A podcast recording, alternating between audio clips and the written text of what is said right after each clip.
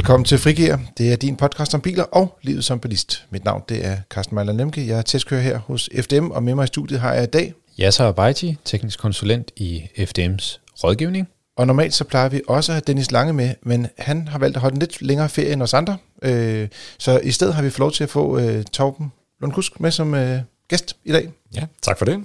Og øh, vi har jo nogle øh, spændende emner, som der ligesom ligger sig også op af dit specialområde. Øh, din, øh, din jobbeskrivelse, hvad laver du her i ved FDM? Jamen, sådan en populær titel er, at jeg er politisk chef, så jeg er ligesom ansvarlig for FDM's interessevaretagelse, vores kontakt med myndigheder, og når det handler om at lave rammebetingelser for bilisterne, så er det min lille butik, der tager sig af det. Præcis. Så, og, og vi kommer til at tale lidt i dag omkring, øh, skal bilister til at holde halvanden meters afstand til cykler? Vi kommer også ind på en biltest af en meget populær kinesisk bil, og så slutter vi af med lytterspørgsmålene, men som altid starter vi i det hjørne, der hedder nyheder. Og altså, hvis Dennis havde været her, så havde han valgt det følgende nyhed som sin nyhed den her uge. Øh, der er kommet en ny øh, Hyundai Ioniq 6 med et øh, nyt dristigt design, øh, og vi har faktisk fået en mail fra vores lytter Pau, der skrev, what a looker, og hvorefter han skrev øh, en masse, altså han taler om det her dristighed i designet, og at konkurrenterne de slet ikke kan følge med. Det, det er en lidt længere mail, men øh, tak for det, Pau. Øh, men Dennis plejer jo at være vores designchef, og jeg, og jeg tænker lidt, øh, nu du er stand-in øh, for Dennis i dag øh, i, i det her regi, kunne du øh, tage posten som designchef her?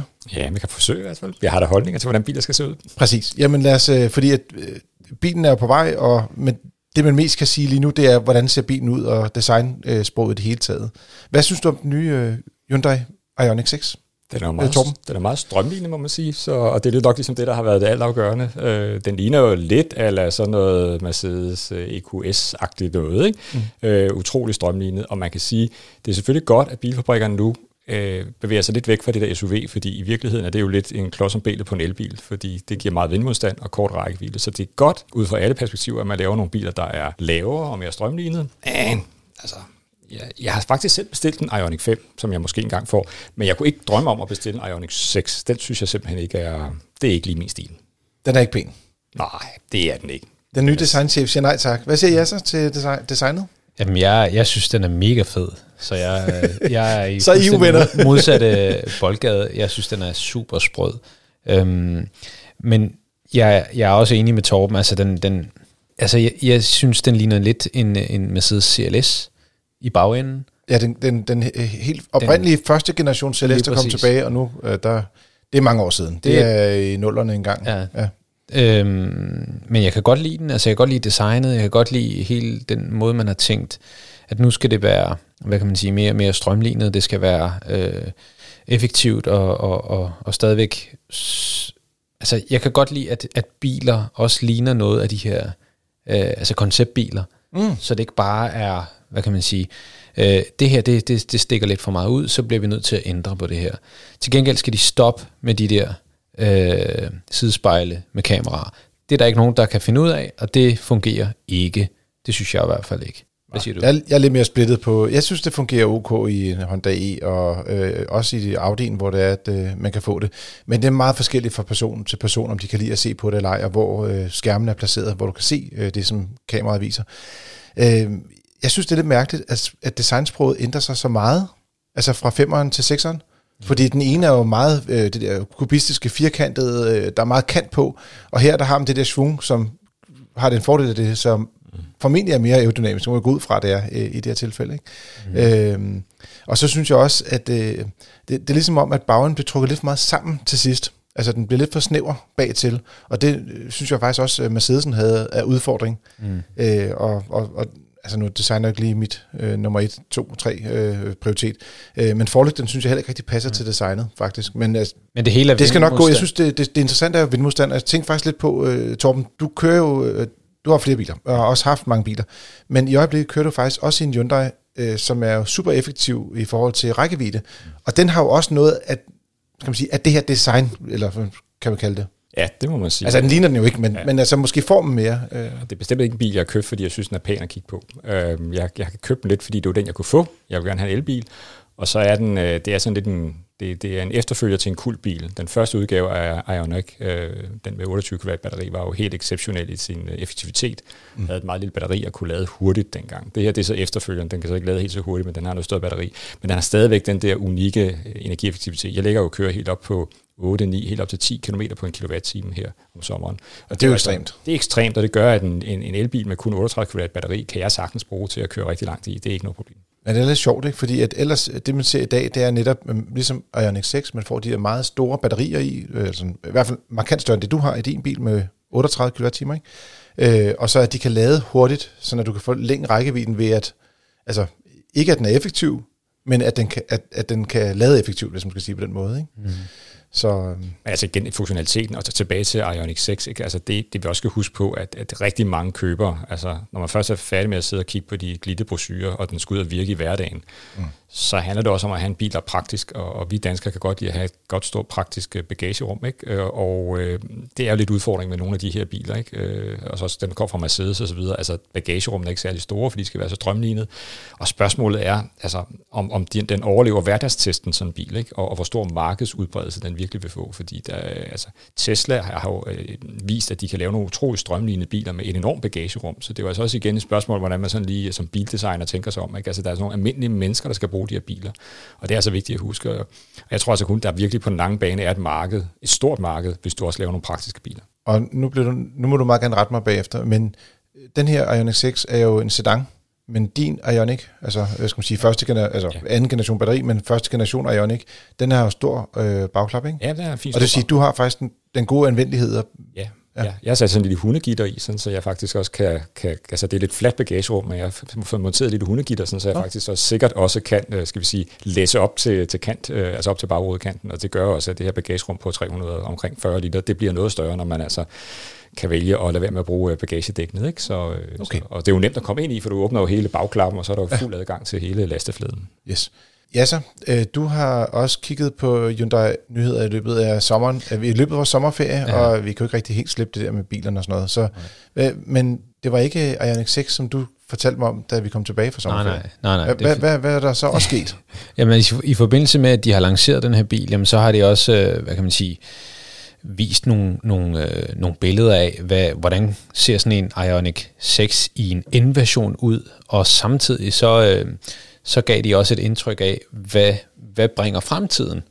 Og så har de en konceptbil, der hedder Envision 74. Det er ikke noget, vi har skrevet om i vores medier, men det er mega fedt. Øh, jeg ved ikke om Torben, øh, om, om du har set den, men øh, det er i hvert fald noget, noget meget specielt noget. Det er en brintbil, øh, det er en plug-in hybrid, altså du kan oplade den, og så køre den på brint samtidig, og så ligner det altså det ligner jo noget fra, hvad kan man sige, tilbage til fremtiden, som, som har fået endnu større muskler, øh, og det er lige noget for mig, det kan jeg godt lide. Jeg synes også, den ligner en lille smule en øh, gruppe B øh, rallybil fra 80'erne, øh, med den store hækvinge og de der Audi-kasser, øh, skal man sige, hjulkasser og sådan noget. Ja, det er også lidt Lancia Delta over. Og Lancia Delta ja, også, og stivhjul og sådan nogle ting. Altså det, det kan jeg lide, for det er nemlig kubistisk det her, ikke? Også med ja, nu. twist. Nu er vi være på en hjemmebane, ja. det er da flot.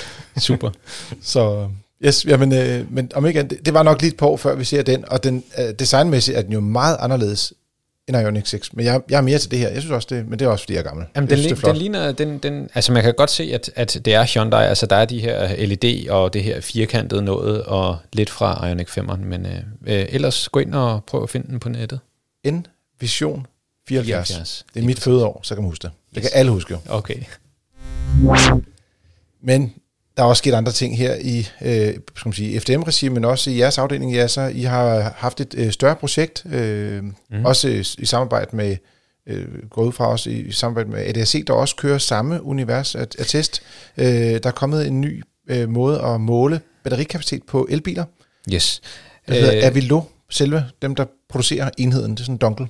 Yes, lige præcis. Altså, øh, vi hører jo alt muligt, og vi har også folk, som, som er meget bekymrede for, hvor længe holder et batteri, og hvornår kan jeg ligesom regne med, at det her batteri ikke er øh, funktionelt længere og så videre. Og der er jo rigtig mange ting på de sociale medier blandt andet. Og, og en gang imellem, så går det jo også galt. Øh, nogle øh, batteripakker øh, af en eller anden årsag, de får en, en, øh, en mindre kapacitet, og, og nu har man endelig muligheden for at uvildigt at kunne få lavet en undersøgelse, øh, som er TUV øh, godkendt, kan man sige. Mm. Øh, og derfor har FDM i samarbejde med Avilo lanceret et produkt, hvor man som FDM-medlem kan øh, komme ind på et af vores testcenter, få monteret den her dongle, som, øh, som egentlig øh, vurderer øh, alle de her data, der kommer ned i, i, i batteri, altså ind og ud af batteripakken, mm. og på baggrund af, af de her oplysninger, jamen så kan man så sige, jamen der er en estimeret kapacitet resterende, som svarer til x antal procent af den levetid, som batteriet havde fra ny. Mm. Eller øh, den kapacitet, kan man sige, som batteriet havde fra ny. Så hvis et, et nyt batteri kan, kan levere 60... Lad os tage Torbens bil, det er 38 kWh. Mm. Ah, helt, ja. helt tilfældigt. Helt forstår tilfældigt. jeg, vi taler om det. Ja, ja, ja, ja. øh, så vil den kunne gå ind og måle øh, ud af de, 8, øh, skal man sige, de 38 kWh vil være 100 procent. Mm. Og siger den, jeg forventer, der er så så meget kapacitet på nu, og så siger den, Yes, det er jo netto, nettokapaciteten, man, man ligesom forholder sig til. Øh, og det vil sige, hvis Torben han kan anvende, er det 28, tror jeg, på, på en model som din, eller hvad nej, er det? Nej, det er 30? De, øh, den er 38,3 ja. som sådan. Øh, og det er stort set også næsten det, man kan lade den op. Så jeg tror faktisk, at bruttokapaciteten er endnu større. Den er vist halvanden kilowatt time større. For jeg tror, ja, jeg tror, den er på 39 et eller andet, ja, jeg, husker det. Ja, jeg tror faktisk, de oplever, at de opgiver netto øh, okay. tallet hos Hyundai. Super. De er 38 men, netto. Øh, ja. Nu kan jeg ikke lige med huske, frygt for at være for nørdet. Ja, ja men, men, men, nu kan jeg ikke huske de konkrete data for den bil, men man kan sige, at man, man, har, man har jo en reference. Det vil sige, at man har mm. taget sådan en bil her fra ny og lavet en reference. Og så kan man sige, mm. jamen på baggrund af den reference, hvordan ser det her køretøj så ud? Og det gør man jo med en masse biler, for ligesom at have, altså det nytter ikke noget at have én bil, man skal lave en masse referencer, man skal også sørge for at kompensere for temperaturkorrektion, det vil sige, øh, en bil bliver målt ved x antal grader, men man skal også kunne måles, når det er frostvejr eksempelvis. Ja. Så derfor er den her test jo også god, også fordi den kan laves øh, af hvem som helst. Du skal egentlig bare køre i din bil. Øh, det fungerer ved, at du kommer ud til os med en øh, fuld opladet bil. Vi installerer den her dongle, og du kører indtil du får besked, at du ikke skal køre længere. Det er typisk omkring 10%. Og så øh, kommer du tilbage og afleverer donglen, og så kan man så øh, efter et par dage få øh, det her, øh, den her rapport, kan man sige, sundhedstilstand på, på batteriet. Og Torben, øh, grunden til, at vi tilfældigvis tog fat i øh, den her 38 kWh batteri fra, fra Hyundai, som du havde, det er fordi, du har prøvet det? Ja, og det handlede lidt om, at den bil, jeg købte, var, den er knap år gammel, så man kan sige, hvorfor i alverden teste den? Men, men i virkeligheden var det sådan en bil, der har nok har stået og kedet sig lidt over importøren, for det var sådan en bil, der var på vej ud af markedet, da jeg købte den. Så, så i virkeligheden er den bil batteri nok to et halvt år gammel. Og derfor tænkte vi, det kunne være sjovt at prøve at teste en bil, der har stået stille måske i halvandet år, inden den kom ud at køre. Mm. Og så har jeg nået at køre næsten 30.000 i den på det her lille år, så den er der blevet brugt. Men, men der testede den altså 99 procent, og med den måleusikkerhed, der er, jamen, så må man sige, så er det jo et, øh, et, et fuldt virkende batteri, der er på den endnu. Men den har også ry for, ved jeg så fra fra dens forgænger, at de batterier, Hyundai putter i det, ja, de, holder. De, er, de holder rigtig, rigtig godt. Ja. Og man kan også sige, at generelt set behøver man ikke at være så nervøs for øh, batteriers levetid. Der var et tidspunkt, hvor man var øh, bekymret for det, og med, hvis man kigger på de garantier, der er, så giver de i hvert fald, øh, indikerer de, at der kommer et relativt stort fald i kapacitet på, på batterierne, men på de nyere elbiler, så ser det ud som om, det ikke er så slemt igen. Og jeg har faktisk set en liste, der er virkelig mange biler, der kan testes. Øh, mm. Man skal selvfølgelig ringe ind til FDM og, og, og spørge, om, om man kan teste den konkrete bil. Mm. Men jeg tænker lidt, dem der køber Tesla Model S for eksempel til en 300-400.000 kroner, mm. øh, som er fra måske 14, 15, 16 stykker i, der kunne det være en god idé at få lavet testen, hvorimod hvis man køber en, øh, lad os sige, en demobil, der er fire måneder gammel, så giver det mindre mening. Lige præcis. Altså det er mere øh, rettet hen mod øh, ældre biler, biler som man måske ikke øh, øh, kender, øh, hvad kan man sige, historikken på. Det kan være som sagt som, som Torbens bil, som har stået til salg øh, eller stået øh, et eller andet sted opmagasineret. Øh, batterier de degraderer over tid. Det vil sige, lige så snart at en celle er produceret, så begynder den at degradere. Og derfor er det en meget god idé ligesom at vide, jamen, hvordan ser det her egentlig ud. Så kender jeg i hvert fald udgangspunktet nu og her. Og det, det er med til at øge, hvad kan man sige, øh, sikkerheden og trygheden, når man er ved at handle brugt. Og sådan på faldrebet i, i den her nyhedskontekst, øh, hvad koster den? Det koster øh, 1300 kroner øh, at få lavet sådan en her undersøgelse. Og så haster vi videre til ugens tredje korte nyhed, som altid øh, var de lidt for lang tid her, og nu har vi lige haft sommerferie, så vi skal lige ind i, i rutinen igen. Øh, vi har en artikel på FDM.dk, hvor man kan læse omkring de nye bilmærker, der er på vej til Danmark.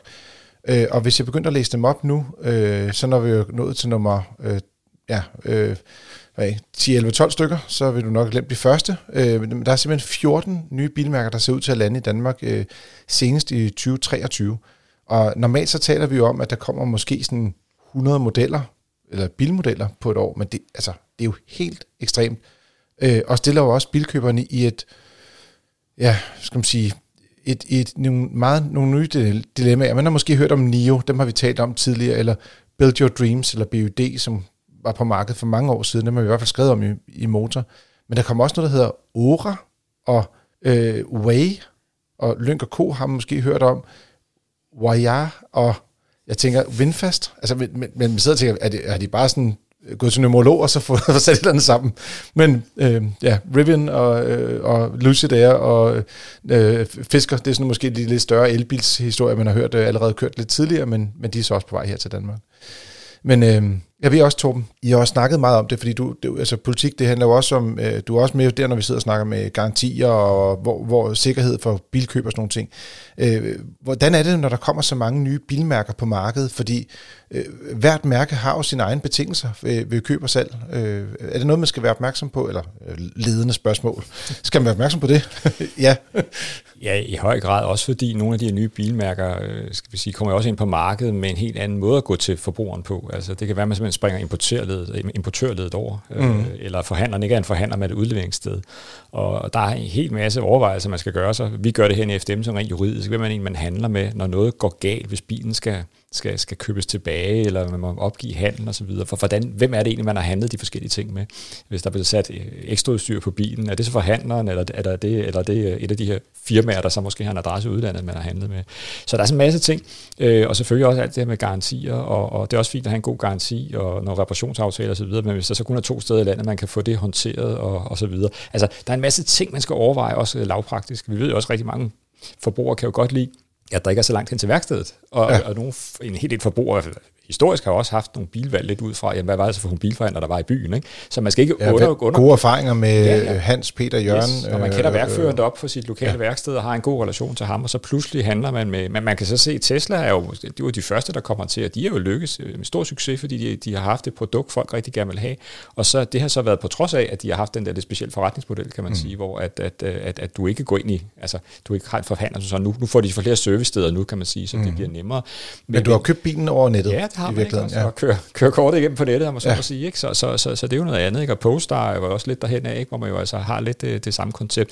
Så, så, så der kommer helt sikkert nye boller på suppen, og det skal de gamle bilmærker og importører jo også øh, tage højde for det her med, at mm vi går ind i en tid, og, og man kan sige, de vejer måske også morgenluft, fordi nogle af de her kinesiske mærker kan faktisk levere, hvor man så kan se, at nogle af de etablerede mærker, øh, ingen nævnt, ingen glemt, øh, har store udfordringer med at levere. Ikke? Og det kan jo godt skubbe på markedsandelen i en kritisk tid, og så finder forbrugerne ud af, at det kan da godt være, at det er et sjovt navn, der er opstået hos en monolog, men, øh, men det er faktisk et fint produkt, og, og det har jeg det fint med, og så kan det også være, at de kører det næste gang. Så man kan sige, der er noget disruption i markedet i øjeblikket, man slet ikke skal underkende. Altså, øh, jeg, jeg, jeg så sådan en lynk forleden dag, hvor jeg lige lige skulle vende mig en gang. Det var så en norsk bil, der, der var herhjemme. Øh, men, men det er rigtigt, man begynder, og jeg får også billeder af, af kammerater tilsendt, øh, fordi de tror, man ved alt om biler, fordi man arbejder herinde, og så sender de nogle billeder af nogle biler, hvor man... Men ja, så det gør du også. Nej, nej. Men man ved aldrig alt. Men, men jeg, jeg så, øh, jeg fik sådan et billede af, af den der Hong Kui, eller hvad den hedder. Jamen, den, den kan man også næsten genkende, fordi det er sådan lidt en, en lidt øh, øh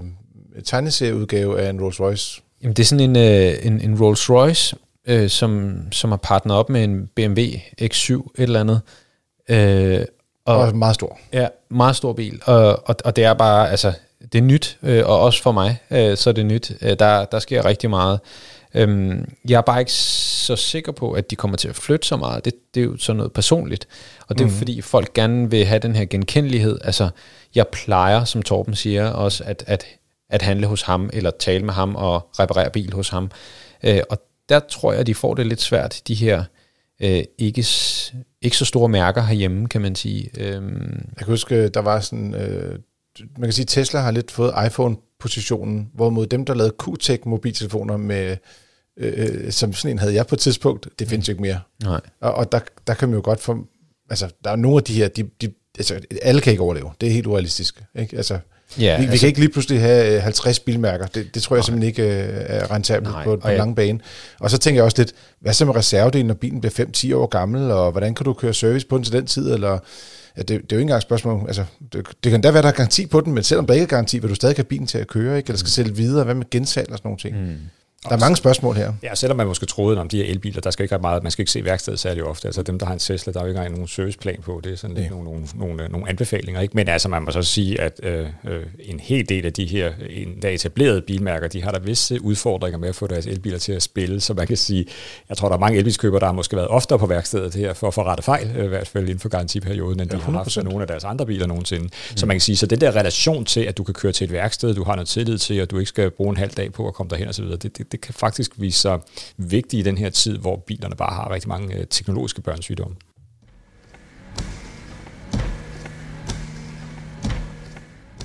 Det var nok nyheder for denne gang. Øh, ugens tema er cykler og biler på vejen, eller sammen kører vi øh, øh, og deler vejen, eller hvad, hvad kalder man sådan noget, Torben? Øh, vi deler vejen, eller? Ja, det der, har, der har været en kampagne, som Vejdirektoratet har sat sig for, som vi har været en del af, der hedder Vi deler vejen. Så. Vi deler vejen, ja. godt. Øh, men øh, vores øh, trafikminister har været ude, og, øh, undskyld, transportminister, øh, skal jeg lige huske at sige, øh, har været ude at sige, at at der har været mange farlige situationer i trafikken mellem cyklister og biler, og reglerne er uklare, og der er et ønske om at komme med sådan en meget, øh, altså der er i hvert fald blevet lagt et meget konkret forslag frem, eller jeg vil ikke sige lagt frem, men det er blevet øh, debatteret, med at der skal være halvanden meter mellem cykel og en bil, øh, og øh, ja, jeg, jeg synes, vi skal, det, det kan vi lige skal gå lige direkte på. Der har været meget snak om det også på sociale medier. Øh, det handler lidt omkring, hvordan vi opfører os ude i trafikken, øh, både som cyklist og, og bilist. Og øh, jeg vil sige, jeg har jo øh, jeg, jeg har cykelmåned. Jeg cykler her i august øh, med racercykel. Jeg cykler ikke resten af året. Det er kun en måned. Øh, og jeg kører også på landevejen i et bil. Så jeg har også lidt erfaring med, med begge dele øh, på, på, på de landeveje, der ofte omtales. Det er jo ikke så meget i byen, man taler om det her, så tænker jeg. Men øh, Torben, take it away. Hvad, hvad, hvad er op og ned i det her? Hvad skal man... Altså, er det, er det noget, der er på vej? Er det noget, vi skal øh, være særlig opmærksom på?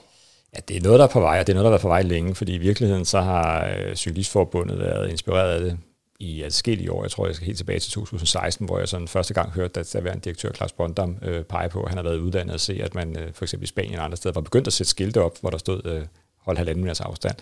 Og det er så faktisk en hel del steder rundt i verden blevet til lovgivning i en eller anden form, for så man ligesom kan læse i færdselsloven. Øh, der er halvdelen af de stater i USA, i, der er i øh, Spanien og i, øh, Portugal, tror jeg også, det er. I Tyskland er der også kommet noget nu. Så der er sådan en række lande, hvor, Belgien, en række lande, hvor at, øh, at man ligesom har konkretiseret det her med, at man skal holde en afstand.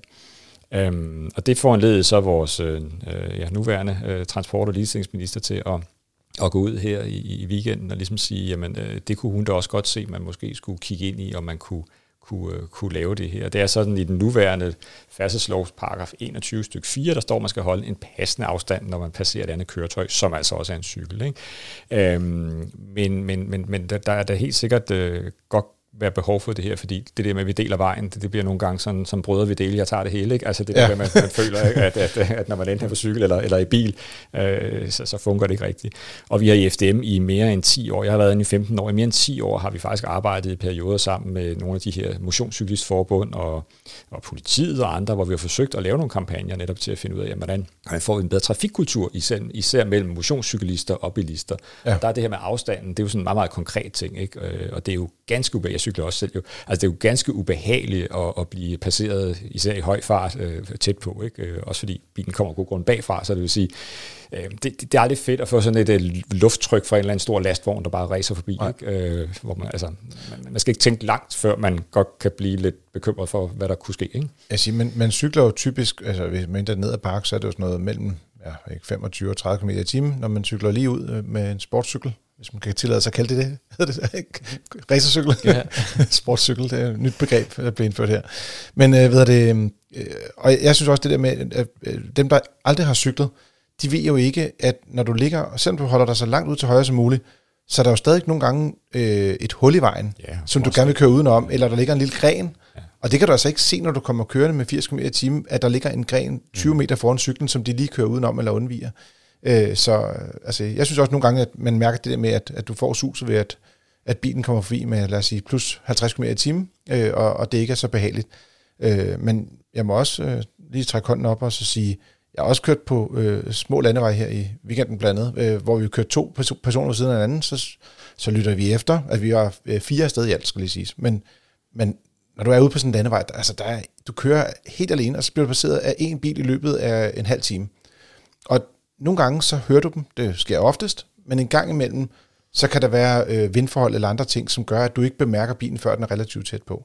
Øh, og, og vi cykler selvfølgelig altid, når man hører bilen, eller hvis, det, hvis der bliver dyttet på god afstand, øh, sker også nogle gange, øh, øh, så når folk kan komme ordentligt forbi. Men nogle gange så ligger man altså to ved siden af hinanden derude på, på de små landeveje, kan man sige. Ikke? Og det er jo nok også det, der er, altså man, man, vi kender alle sammen fra, fra, fra de sociale medier, de der filmklip med nogen, der ligger helt tydeligvis det kan både være bilister og cyklister, fuldstændig tilsidesætter færdselsloven og er meget, mm. meget egoistiske altså, i deres adfærd. Det er måske det, der ligesom bringer ved til det her bål, der, der lidt brænder hele tiden, ikke? og man bliver irriteret. Og så er der også bare det faktum, at af gode grunde kan cyklister især have forkærlighed for visse områder og visse veje, fordi de er rigtig ja. gode. Der kan være nogle bakker at cykle på. I Nordsjælland er der rigtig, rigtig mange dejlige veje, mm. man kan køre på, og man, man får lidt bakketræning op og ned, og der er smukt at køre osv. Men mange af vejene snor sig og smalle osv. Og, og hvis man bor i området, og, og det er hver weekend og hver mm. aften i sommerhalvåret, at man skal ligge der og hverken kan komme frem eller tilbage, så er det klart, at der er nogen, der bliver irriteret. Men spørgsmålet er, er sådan et lovkrav noget, øh, der vil løse det? Og det, der, der var vi ude i FDM og sige, prøv at, det tror vi nok ikke nødvendigvis er, er sådan den der silver bullet, der, der lige løser det hele, fordi det er jo sådan, hvordan skal politiet kontrollere det? Altså politiet har jo, altså de eneste politibiler, jeg kom i tanke om, som havde en, bare en, en, en minimal chance for ligesom at kunne dokumentere det her, er de her videobiler, politiet har. Ja. Og efter dem bekendt har de nogle, nogle få biler i hver politikreds, så det er jo altså ikke en, en kæmpe vognpark, de har dem. Og de er ofte også ude at jagte folk, der sådan for alvor gør noget voldsomt farligt i trafikken. Ikke? De kører øh, ikke på den, den lille snodede landevej nej, midt ude i ingenting. Nej, det gør de nok ikke så meget i hvert fald, og spørgsmålet er, om det, og det vil være den bedste udnyttelse af deres kapacitet. Men mm. det er de eneste biler, vi ligesom kan komme i tanke om, at man kunne bruge. Og her er så stadig det der med, at hvis I så tog et, et, et, de kan jo videofilme, men, men selv der, så kan der være noget med en vinkel på og afstand, og hvis du er helt ned på halvanden meter, altså rent billedteknisk, hvordan får man gjort det? Og i virkeligheden skal du så hen og stoppe og sigte vedkommende, inden mm. du overhovedet som betjent har en, en, en, en, en, en konkret idé om, om, om, om, om loven er overholdt eller ej. Ikke? Og så skal det sendes ind til teknisk analyse, og så skal man måle ud, Nå, det var 1 meter 51, så, så han, han, han slipper igen. Ikke? Altså, praktisk bliver det meget, meget, meget svært. Så i USA er der vist nogle få steder, hvor der er noget cyklende politi med en eller anden elektronisk øh, afstandsmåler på bagagebæren eller et eller andet, og det, det bliver lidt geogearløsagtigt. Ikke? Men, men, det, men, men vi har i FDM bare lidt svært ved at se, hvordan det her det ligesom i, i Danmark, hvor vi har så lidt færdselspoliti og så lidt ressourcer til politiet, fordi de har mm. så mange andre vigtige opgaver i de her tider, øh, så har vi lidt svært ved at forestille os, hvordan det, det skal lade sig gøre i praksis. Så derfor bliver det lidt sådan øh, noget symbolpolitik og noget politik, der, eller, eller en, en lovgivning, der ikke rigtig kan, øh, kan, kan, kan håndhæves. Ikke? Øh, jeg tror, man kalder det lex imperfecta, øh, så er juristsprog, det her med, altså, man, man, altså en lov, der simpelthen ikke kan, kan, kan, kan gennemføres. Så bliver det sådan noget symbollovgivning. Det kan godt være, at det er det, de gør i de andre lande. Men i FDM er vi bare ikke rigtig, øh, der er ikke rigtig tradition for i Danmark, at man laver sådan en lov, alle udmærket godt ved, ikke kan, kan effektueres og, og, og håndhæves. Og derfor tror vi heller ikke, det er løsningen i virkeligheden. Øh, og man kan sige lige præcis, Lex Imperfecta øh, har øh, vi også øh, vi har jo talt med mange øh, skal man sige, i, aktører i området, og blandt andet også øh, øh, Råd for Sikker Trafik, hvor øh, deres direktør Mogens øh, Kjærgaard Møller, han også har udtalt det her med, at det, det er sådan lidt en Lex Imperfecta, og at man heller, de vil hellere se, at man laver kampagner og oplysningsarbejde, men det er jo også, skal man sige, det, det er jo også typisk det, hvor de øh, stærkere har været gode til ligesom at, at forbedre bilistkulturen herhjemme. Men hvis nu man kigger på, øh, fordi vi, vi, lidt ligesom tv-køkkenet, så har vi forberedt os lidt forfra, vi har, eller for, før vi startede, og vi to har jo talt sammen, Torben, og jeg ved også, du siger, det er jo ikke alle steder, at man ved, hvordan det kommer til at gælde. For eksempel, du sagde noget med, hvilke veje skal det gælde på? Ja, altså. Altså, altså, man kan jo sagtens forestille sig nogle veje, hvor der i virkeligheden er en situation, hvor der i hvert fald ikke er halvanden meter ud til en spærrelinje, og, og der er også veje, der er så smalle, og især hvis der kører to cyklister, eller en ladcykel for den sags skyld, altså, mm. så kan der ikke komme udenom. Øhm, så, så, så man kan sige, hvis man vil at indføre det her, så skal man jo nøje finde ud af, hvad er det så for nogle veje, og hvordan kan man sondre dem, hvordan skal man som bilist vide, om det er den her type vej, altså vi kører bare på vejene, jeg tror ikke, som vi bilister, vi lige tænker, om det er en A, B eller C kategori vej i en kommune, og hvad vil det så sige, ikke? Altså, så det bliver meget, meget let sådan lidt, øhm, øh, lidt, lidt, lidt svært gennemførligt. Altså, det bliver svært at forestille sig, hvordan det, det, det skulle være. Men det vi har sagt er, altså, øh, lad, os nu, øh, lad nu ministeriet indhente erfaringer fra de andre lande. Mm. Altså, øh, det er jo vores antagelse, det er symbollovgivning, men lad os nu høre, hvordan de gør i Tyskland øh, og i USA for den sags skyld, og, og alle mulige andre steder, og, øh, og så lad os få den viden ind og så lad os øh, sætte os ned, fordi der er der intet, vi dem heller vil, end at prøve at hjælpe på det her, fordi vi skal alle sammen kunne være derude, og det skal være trygt at cykle derude, og det skal være sikkert at cykle derude, men vi skal også kunne komme frem. Det er, det er et sted, vi alle sammen skal være, så trafiksikkerhed og fremkommelighed, det er jo sådan to ting, der, der gerne skulle være i en eller anden balance, øh, og det er jo altid kompromis. Altid. Jeg tænker også lidt, øh, du sagde bare sådan lidt, øh, altså halvanden meter, ikke? Og en bil er cirka 2 meter, ikke? det er 3,5 meter, og så mangler stadig lidt i cyklen, han fylder mindst en halv meter oveni, ikke? Øh, 4 meter brede øh, vejbaner, skal vi til at have det over det hele, eller så skal det der være lidt mere, for der skal også lige være en marken til det, ikke? så skal det være 4,5 meter brede vognbaner, ikke? Ja. Øh, og, og vi i hvert fald, et, et af de steder, hvor, som er ret populært her i Nordsjælland, det er at sådan køre nord for Nødboen, det bliver lidt lokalt det her, men, men der, der er en lang stræk, øh, hvor der er fuldt optrukne linjer ind igennem en skov, og vejbanen er faktisk ret smal. Du kan næsten øh, ikke, altså der er lige plads til en bil og lidt mere. Men hvis der er en cykel, så kører folk jo over den fuldt optrukken linje, fordi altså, alternativt så ligger de kører 20 km i timen. Ikke? Og, og det er jo ikke, altså det må, det må de jo ikke. Det må man ikke, nej. Men hvis de skulle holde halvanden meters afstand til dem, ja, så kunne du køre. Så, kunne du, altså, så er det jo helt urealistisk. Ja. Så skulle de jo helt over den anden vognbane for, at det, ja. det kunne hænge sammen. Ikke? Men i, uh, i Spanien har de så gjort det, og der er de til synlædende kan man læse sig til, øh, lavet sådan en eller anden undtagelse for, at hvis der så ikke kommer nogen modgående, så må man godt krydse en spærrelinje. Altså, ah, så, er vi, så er vi så ude i noget, hvor man kan sige, ah, okay, så løser vi måske et problem, men så åbner vi lidt en ladeport for noget, der kan blive et væsentligt væsentligt større problem, fordi de der optrukne linjer, spærrelinjer, de er der en grund. Det er jo typisk, fordi der er dårlige oversigtsforhold, øh, ja. eller der kan være farlige udkørsler og andet. Altså ting, der gør, at du bare ikke skal have øh, trafik i den, i, den, i den modgående vejbane. Ikke? Så man kan sige, det gør sig også gældende her i det her sted. Ja, det vil sige, ikke? ja, så det vil sige, det er igen nogle kompromiser, ikke? Øh, og, og, og, og, myndighederne, politiet og så videre, der har været ude og, og se på vejforhold og så videre, det, altså, de har faktisk tænkt om. så, ja. så man kan sige, at der er en årsag til, at tingene er, som de er. Ikke? Og det er derfor, når man så ligesom kommer med et eller andet smart forslag her lige, øh, lige inden et valg, ikke? så, øh, så øh, ja, så, så må vi se på det. Så må vi se på det. Gerne efter valget, tænker jeg. ja, det, det bliver nok et efter et valg, ja, i under omstændigheder. I dag skal vi kigge under motorhjelmen, eller hvad man skal kalde det, fronkhjelmen, øh, bliver det i den her bil, øh, på en Polestar 2 Long Range Single Engine. Vi har tidligere testet den øh, med stort batteri og med to motorer, men øh, den her gang, der har vi fået lov til at, at få skal man sige, hænderne i versionen med det store batteri og en enkelt motor, og det betyder, at der bliver længere rækkevidde. Officielt er det 540 km, og prisen ligger lige under 400.000, og det giver, når vi regner lidt økonomi på det, en, en pris per kilometer på lige under øh, 4 kroner kilometeren. Øh, så ja, lidt dyr bil, men også en, øh, en meget lækker bil. Og øh, sådan bare lige i introen her vil jeg sige, jeg synes faktisk, den, på en eller anden måde er den lidt en sjov bil, fordi at den øh, der er rigtig mange bilentusiaster, der er vilde med Polestar 2, men det er en kinesisk elbil, og det, de kan lide den for, det er, fordi den kører helt vildt godt. Og altså, det hænger jo på, altså, det, det bryder med alle fordomme på en eller anden måde, men den er så også udviklet af Volvo, hvilket så giver endnu mindre mening, fordi de er jo kendt for at have sådan lidt mere forsigtige kørenskaber, og ikke sportslige kørenskaber. Og faktisk er det ikke engang udviklet som en elbil. Det var jo faktisk tanken, at det var, det var afløseren til deres, øh, deres 40-serie i virkeligheden. Det er korrekt, ja. så, så det er jo faktisk en, en, en bil, der så er blevet gjort til en elbil. Ja, jamen det, men, men dog findes kun i en elektrisk yes. udgave, kan man sige, ja. den, i den endelige udgave af, af, af bilen. Øh, ja, produceres i øh, Kina, men er delvis udviklet i, øh, ja, kan man sige, i Sverige. Mm. Så. Ja, og lige design efter afdelingschefens øh, snude. At, øh, og designchefen, ja. den nye designchef. Den nye designchef, ikke? Ikke alt det der japanske tegneserie noget, nej. Her har vi virkelig nogle, øh, nogle firkantede former, ikke? Yes. Det er godt. Jamen, så er vi, øh, det er rart at have lidt ro på herinde. Jeg, og jeg, for jeg ved faktisk, ja, så du er også glad øh, i det her univers, ikke? Ja, jo, det her... Ja, det er, Dennis plejer også at være lidt glad for, for Postar 2, ikke? Ja, men, øh, men det er noget med, at så klager han over noget benplads og sådan lidt forskellige ting. Jamen, det kan jeg godt gøre. Men, ja. men, øh, men jeg synes jo, den er fed, og jeg synes, den kører super godt. Altså, jeg, jeg, jeg får altid et smil på læben, når jeg, når jeg kører i sådan en Polestar. Så, øh, så det er lidt, øh, hvad kan man sige, når vi taler om elbiler og køreglæde. Jeg synes personligt, at elbiler ikke rigtig har den her karakter, kan man sige. Altså, øh, i gamle dage, når du satte dig ind i en BMW, og du ligesom kørte i den, mm. så kunne du høre, okay, det her, det, det er den her typiske kar- karakteristiske sekscylindrede BMW-lyd.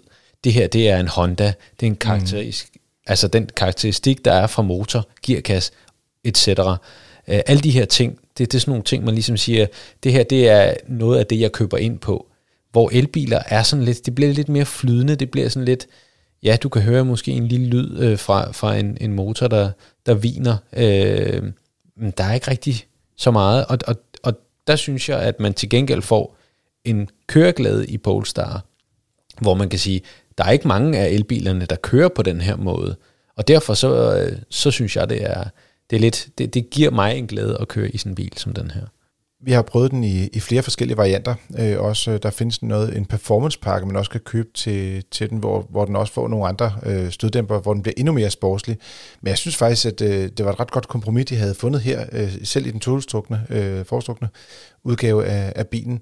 Og, øh, og det man så får, det er lidt længere rækkevidde, man får officielt cirka øh, 70 km ekstra, Øh, og i vores øh, motorvejstest, der var forskellen øh, korrigeret for temperatur, cirka 40 km øh, i forhold til den fjolstrukne med, med 408 heste.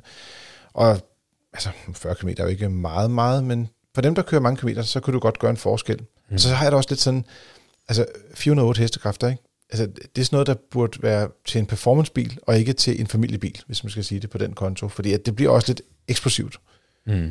Du har også prøvet en, en del øh, elbiler, ja, Torben. Øh, og, og de er jo rigtig sjove, men... Men, ja, altså, men du har også selv bestilt via en, en anden elbil også, men som heller ikke er med firehjulstræk. Er det ja, korrekt? Ja, ja, ja, jeg har bestilt den Ioniq 5 der, men, øh, men i, i, i den bagstrukne udgave, som jo så bare har de der 230, 29 heste eller sådan noget. Ikke? Og det, ved du, ja. det er fint for mig. Altså, det, øh, jeg skal jo ikke køre for stærkt og have klippet mit kørekort og alt muligt andet. Nej. af, af mange grunde, blandt andet også fordi jeg arbejder herinde, så man kan sige, at der er jo ingen grund til at udfordre I, I det hele taget er det rart at have et kørekort jo. Ja, det altså, må man altså. sige. Så, ja, og i hele taget skal man jo passe på, for det er jo farligt at køre for stærkt, så ja kan være det i hvert fald, så, så derfor så skal man jo tænke sig rigtig godt om, og, og, og det kan man let blive udfordret i, i mange af de her elbiler, fordi mm. der er godt nok en acceleration, der vil noget, ikke? Øh, og det får man så også lov for at betale for, når man skal skifte dæk og andet, ikke? så, så man, man, man finder ret hurtigt ud af, at, øh, at, at der er jo kræfter på spil her, det moment, der er en elbil, er jo helt anderledes øh, leveret end, end i, i, i, i en benzin- eller dieselmotor. Ikke? Mm. Så der er jo... Der er jo ja, ja. Jeg vil også sige, med, med de hestekræfter, man har i, i den her model, så er, er der jo selv i Øh, skal man sige, i basisudgaven er der jo øh, altså rigeligt med øh, acceleration og, og hestekræfter til en hverdagskørsel. Den går 0-100 på øh, 7,4 sekund, øh, og, og selvom topfarten kun er 160 km i timen, ser man på mange elbiler, så har den her, den har så 231 hestekræfter, så lidt mere end Hyundai'en har, men, men jeg vil sige, det er også lidt tungere biler, så de skal have lidt flere kræfter i forhold til en benzin- og dieselbil. Øh, men man føler ikke, man sidder i en langsom bil. Og den, den, er, den er kvik, uden at være for hurtig i virkeligheden. Ikke? Og så har den det her lidt øh, længere rækkevidde, hvor den kører lige over 400 km på, på en opladning med, med 110 km i timen. Det vil sige også, at folk, der, der har Tesla, rigtig mange kører i det der chill mode, ikke? Altså fordi, altså, det, det er jo næsten ubehageligt at, at køre i en bil, hvor man bare skal tænke på at røve speederen, og så er man på vej, føler man ud gennem bagsædet, ikke? Øh, altså, i dagligdagen, der, der skal det være noget, der, der selvfølgelig har, kan lave en sikker overhaling, men altså det, der ligger, ligger og kører dørtræk, det er jo, ja, mm. det er der nogen, der synes er sjovt hver dag, men de fleste, de, de bliver jo også lidt, lidt trætte af det, ikke? Ja, vi har faktisk lige haft en uh, Model Y øh, Tesla Model Y Performance øh, til test her for øh, en uge siden eller to, øh, og, og der satte den også chill mode efter øh, et par timer, fordi at, øh, altså, den var alt for aggressiv på speederen, og man skulle hele tiden sidde og holde øje med, hvor meget man trykker ned, og hvis man trykker for meget ned, så kom der sådan et ryg, og altså, ja, man ender med at, at skal man sige, komme til at accelerere for kraftigt, eller andre folk bliver overrasket over, hvor hurtigt man kommer frem i trafikken og skaber farlige situationer på den konto. Så, men en anden positiv ting, jeg synes med den her model, det er, at den kører med Googles øh, styresystem. Eneste lille minus, det er, at når man går ind i deres øh, apps, man kan tilvælge nogle apps til den, øh, så er, er skrifttyperne lidt små på nogle af dem. Men derudover, så selve øh, opbygningen af deres øh, styresystem og måden, man skal ændre på indstillinger af bilerne, synes jeg er virkelig forbilledeligt i forhold til, hvordan man ser de andre biler. Mm. Og det er det samme, som der har været i alle Polestar 2, så der er ikke rigtig noget nyt på den konto. Og så hverken Dennis eller jeg kan sidde på bagsædet, hvis vi også har, så at sige, sat os til rette foran. det er, så dem, hvor det er, at øh, forældrene er, er, er meget høje, eller man har meget høje børn, øh, der skal man i hvert fald lige gå ind og tjekke, om der, om der er plads der øh, på, på bagsædet. Bagagerummet, fornuftig størrelse, og så, jeg tror, et minus, det er sådan noget adaptiv farplot. Er ikke standard? Nej, i hele taget synes jeg, altså, man skal jo købe nogle pakker til den, så det der det er frapris rigtigt. er sådan, altså når man tænker på, hvor, hvor, hvor, hvor dyr bilen sådan, altså relativt set er en frapris, så er det sådan lidt specielt, at man trods alt noget så banalt som en adaptiv fartpilot, som jo findes i, jeg havde en lånebil i går, en, en Hyundai i20 til, til 170.000, tror jeg, nypris. Den havde fin adaptiv fartpilot. Ikke? Altså, ja, som og her er du 400.000 uden, ja, ikke? Ja, det er sådan lidt... Øh, der, der er lidt, øh, det, det er måske lidt øh, skræddersyet til, at det skal have en fin frapris. Ikke? Jeg kan også sige, at nu er du... Ja, nu, nu, det her det bliver en længere diskussion, kan jeg allerede mærke nu. Hvad, hvad er det? Hvis man skal køre energieffektivt, skal man jo især passe på at ikke køre for stærkt. Så selv hvis du kører 5 km for stærkt, så påvirker det også den rækkevidde. Og derfor så kan man jo ofte være interesseret i at, øh, at køre med fartpilot i de her biler. og så kan man diskutere, om man kører længere på kilowatt-time øh, med fartpilot eller ej. Øh, bliver vi øh, alle sammen uenige omkring det, jeg kan næsten fornemme. Eller hvad, det, hvad, hvad siger I? Øh, fartpilot, øh, er det en fordel eller en ulempe i forhold til forbrug? Jeg kan altid køre væsentligt mere effektivt uden fartpilot, men det er også fordi, det ligger sådan lidt i min... Øh, jeg har sådan den der fornemmelse fra, når jeg kører på cykel, så bliver man jo... Så skal man økonomisere med sine kræfter.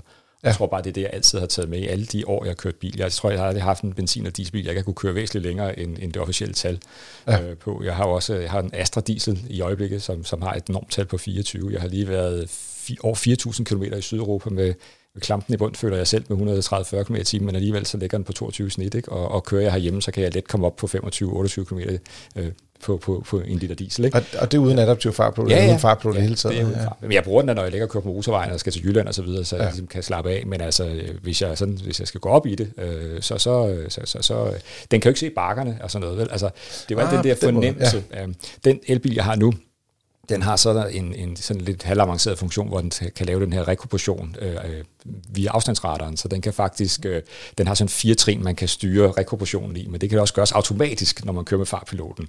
Øh, men jeg har ikke helt, jeg har ikke helt fået, fået ligesom undersøgt nøje, om den så kan gøre det bedre, end jeg kan, men, øh, men måske kan den. Men den helt almindelige, banale fartpilot, der bare holder afstand og så videre, ja. der, den, øh, den kan jeg til hver tid slå. Øhm, jeg er enig med Torben. Altså en, en fartpilots opgave, det er at holde farten fartpilot. Mm. Så det er uanset om det går op eller ned ad bakke.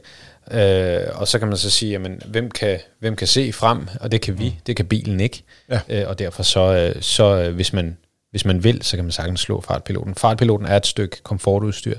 Det er ikke et stykke øh, udstyr, der besparer brændstof. Og jeg vil eller? sige, i det her tilfælde, når vi taler adaptiv, vil jeg også øh, tilføje sikkerhedsudstyr også, faktisk. Fordi den netop også øh, holder øje med de øvrige trafikanter. Hvis der er nogen, der trækker ind foran en, så sætter de farten ned. Øh, det fungerer selvfølgelig forskelligt på forskellige bilmodeller, men testbilen havde det, og det fungerede øh, ganske fint der. Øh, apropos øh, leveringstid, som øh, nogen kæmper med i Hyundai øh, Ioniq 5-universet, Torben, ja. øh, så øh, står der inde på deres hjemmeside, at hvis du bestiller øh, en Polestar med pluspakke og med 20 fælge, så kan du få bilen lidt hurtigere. Det er lidt sjovt, at man går ind på hjemmesiden, apropos vi talte om i starten, og bestiller bil, at man kan få det så konkret rådgivende at sige, sæt de to krydser, så er der en chance for, at du får den lidt før. Mm. Og de har også lidt nogle forhandlere, i hvert fald der er nogle halvforhandlere, som man kan gå ud og snakke med. Der, der kan man også få noget hjælp til at, at specificere bilen rigtigt, hvis man skal have den hurtigt i hvert fald. Og så er der noget med garantien, ja, så, hvis du yeah. lige skal, den plejer du lige at fremhæve yeah. som noget negativt. To års garanti for en bil øh, med så meget udstyr til plus 400.000, det er ikke godt nok. Så det er, den, den får et, et minus der, øh, og det synes jeg, det, det skal den også have. Og det gør så også, at øh, anmeldelsen ikke kan gå helt i top til 6 stjerner, som man ellers godt kunne forestille sig med alt det her positivt, og generelt høj sikkerhed i bilen osv., så, videre, så den får 5 stjerner. Nu er det tid til lytterspørgsmålene, som altid sendt ind til podcastnabla.fdm.dk, og vi har øh, to med i denne uge. Øh, den første, den går lidt i Jassers regi, og den anden, der triller vi over i Torbens hjørne i stedet for. Hej Frigir, Tak for et godt program. Jeg har længe ventet på den nye Toyota B, og øh, jeg glæder mig til, at den kom, men læste til stor overraskelse, at den maks må trække 750 kg uden bremser. Hvad er det tekniske problem, der gør, at de ikke må trække mere? De har masser af hestekræfter og både elektrisk og mekanisk bremse med venlig hensyn. Flemming. Mm. Og ja så, hvad siger teknikeren til det? Så jeg har en lille øh, bilkøbe ting bagefter. Mm. Altså, mm, jeg ved ikke, hvad den specifikke årsag til, at lige præcis den her bil ikke kan trække mere end de 750 kilo. Men, jeg, men vi kan have en fornemmelse af, hvad det kan være. Mm. Og, og, og fornemmelsen eller årsagerne til det her, det kan være, at, at når man producerer en elbil, som har øh, et stort, tungt batteri, jamen så skal man producere resten, i, øh, resten af bilen i nogle materialer, som ikke nødvendigvis har samme styrke øh, og, og vægt. Og derfor så kan man af den årsag være begrænset til i chassisrammen eksempelvis, og bruge nogle materialer, så du ikke bare kan smide et anhængertræk på, som kan, som kan læse øh, 1600 kilo for eksempel, som mm. en uh, Ioniq 5 kan. Øhm, det kan også være årsager af, som, som, øh, som eksempelvis at den elektriske motor, jamen den kan yde x antal øh, øh, newtonmeter og hestekræfter, men det kan den gøre relativt øh, i relativt kort tid, øh, og er ikke dimensioneret eller kølet godt nok til at håndtere en tungere opgave. Mm. Øhm, Og så, øh, og så er det jo, at, at det er øh, et spørgsmål, om det er lidt i den ene side, eller lidt i den anden side, der er årsag til, at, at den så ikke kan få lov til at trække mere vægt.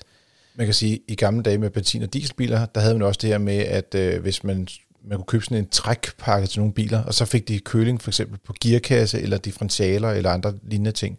Mm. Det er den varme, du taler om her også, ikke? Ja, lige Det er samme præcis. Altså, hvis, hvis, hvis bilen den kan komme af med, med den varme, som der bliver genereret øh, i batteripakken og, og i den elektriske motor, som, øh, som den så skal, altså man kan sige, at varmen kommer af, at, at det, den skal arbejde noget hårdere, jamen hvis den så kan komme af med den varme, så er der jo ikke noget problem i det. Men det er så spørgsmålet, om om det er det, der er årsagen, øh, og at det her kølesystem så ikke er dimensioneret til det. Det kan godt være, at det er det. Det kan lige så vel være, at, at chassiset ikke kan holde til det, og, og så videre. Så, Der er også noget med vægten. Ja, altså det her, det er jo en tung bil. Øh, nu slår jeg den her bils øh, specifikationer op, øh, den her BZ4X. Og den vejer jo, han har jo en teknisk totalvægt på næsten 2500 kilo, ikke? altså 2465. Øhm, det er altså en tung bil, som bliver drevet af, af, af en eller to elmotorer. Jeg kan ikke huske, om den har to. Øh, jo, den har vist to i, i begge varianter. Øhm, og de er ikke nødvendigvis dimensioneret til at, at, at håndtere 1600 kilo derudover de her, øh, altså så bliver det et tungt vogntog. Mm. Den har faktisk også en begrænsning på vogntogsvægten. Det vil sige, at den må ikke med øh, passagerer og med øh, med, øh, trailer, med øh, trailer eller altså, eller ja. campingvogn, må den bare ikke veje mere end 32,15, altså 3215 kilo. Ja. Så øh, der er en eller anden teknisk årsag, men hvad det er specifikt for den her model, det kan jeg ikke svare på.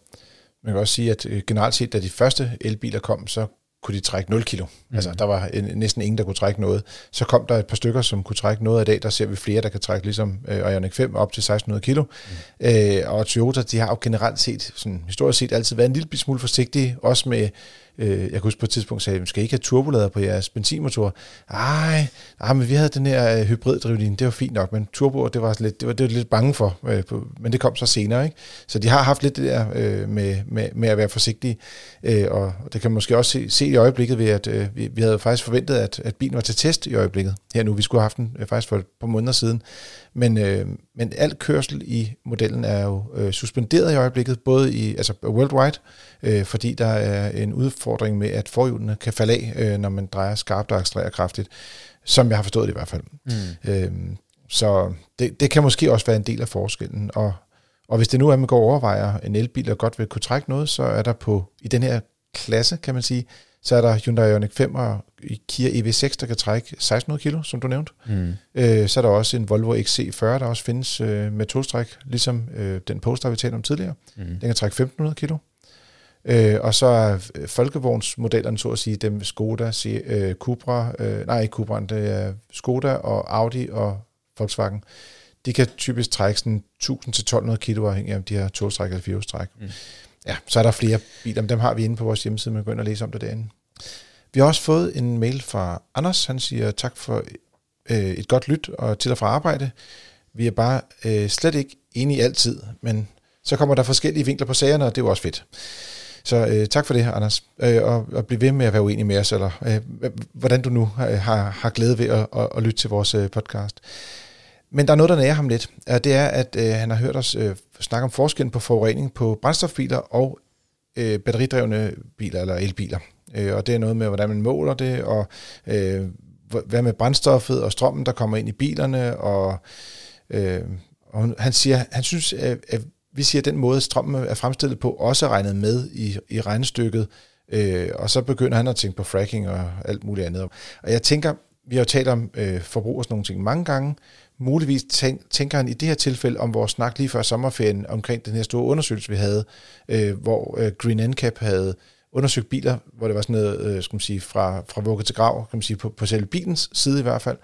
Øh, men hele det her område omkring øh, ja, øh, destillering, øh, raffinaderier og fracking og øh, strømproduktion, der enten er godt, øh, sort eller grønt, øh, det er jo Torben dit øh, domæne. I taler meget om det, også med politikerne omkring, hvad er grøn transport, og øh, øh, kan du give en, en, nogle, lidt hjælp her til andre, som han så kan være uenig i bagefter? Eller, eller måske enig i?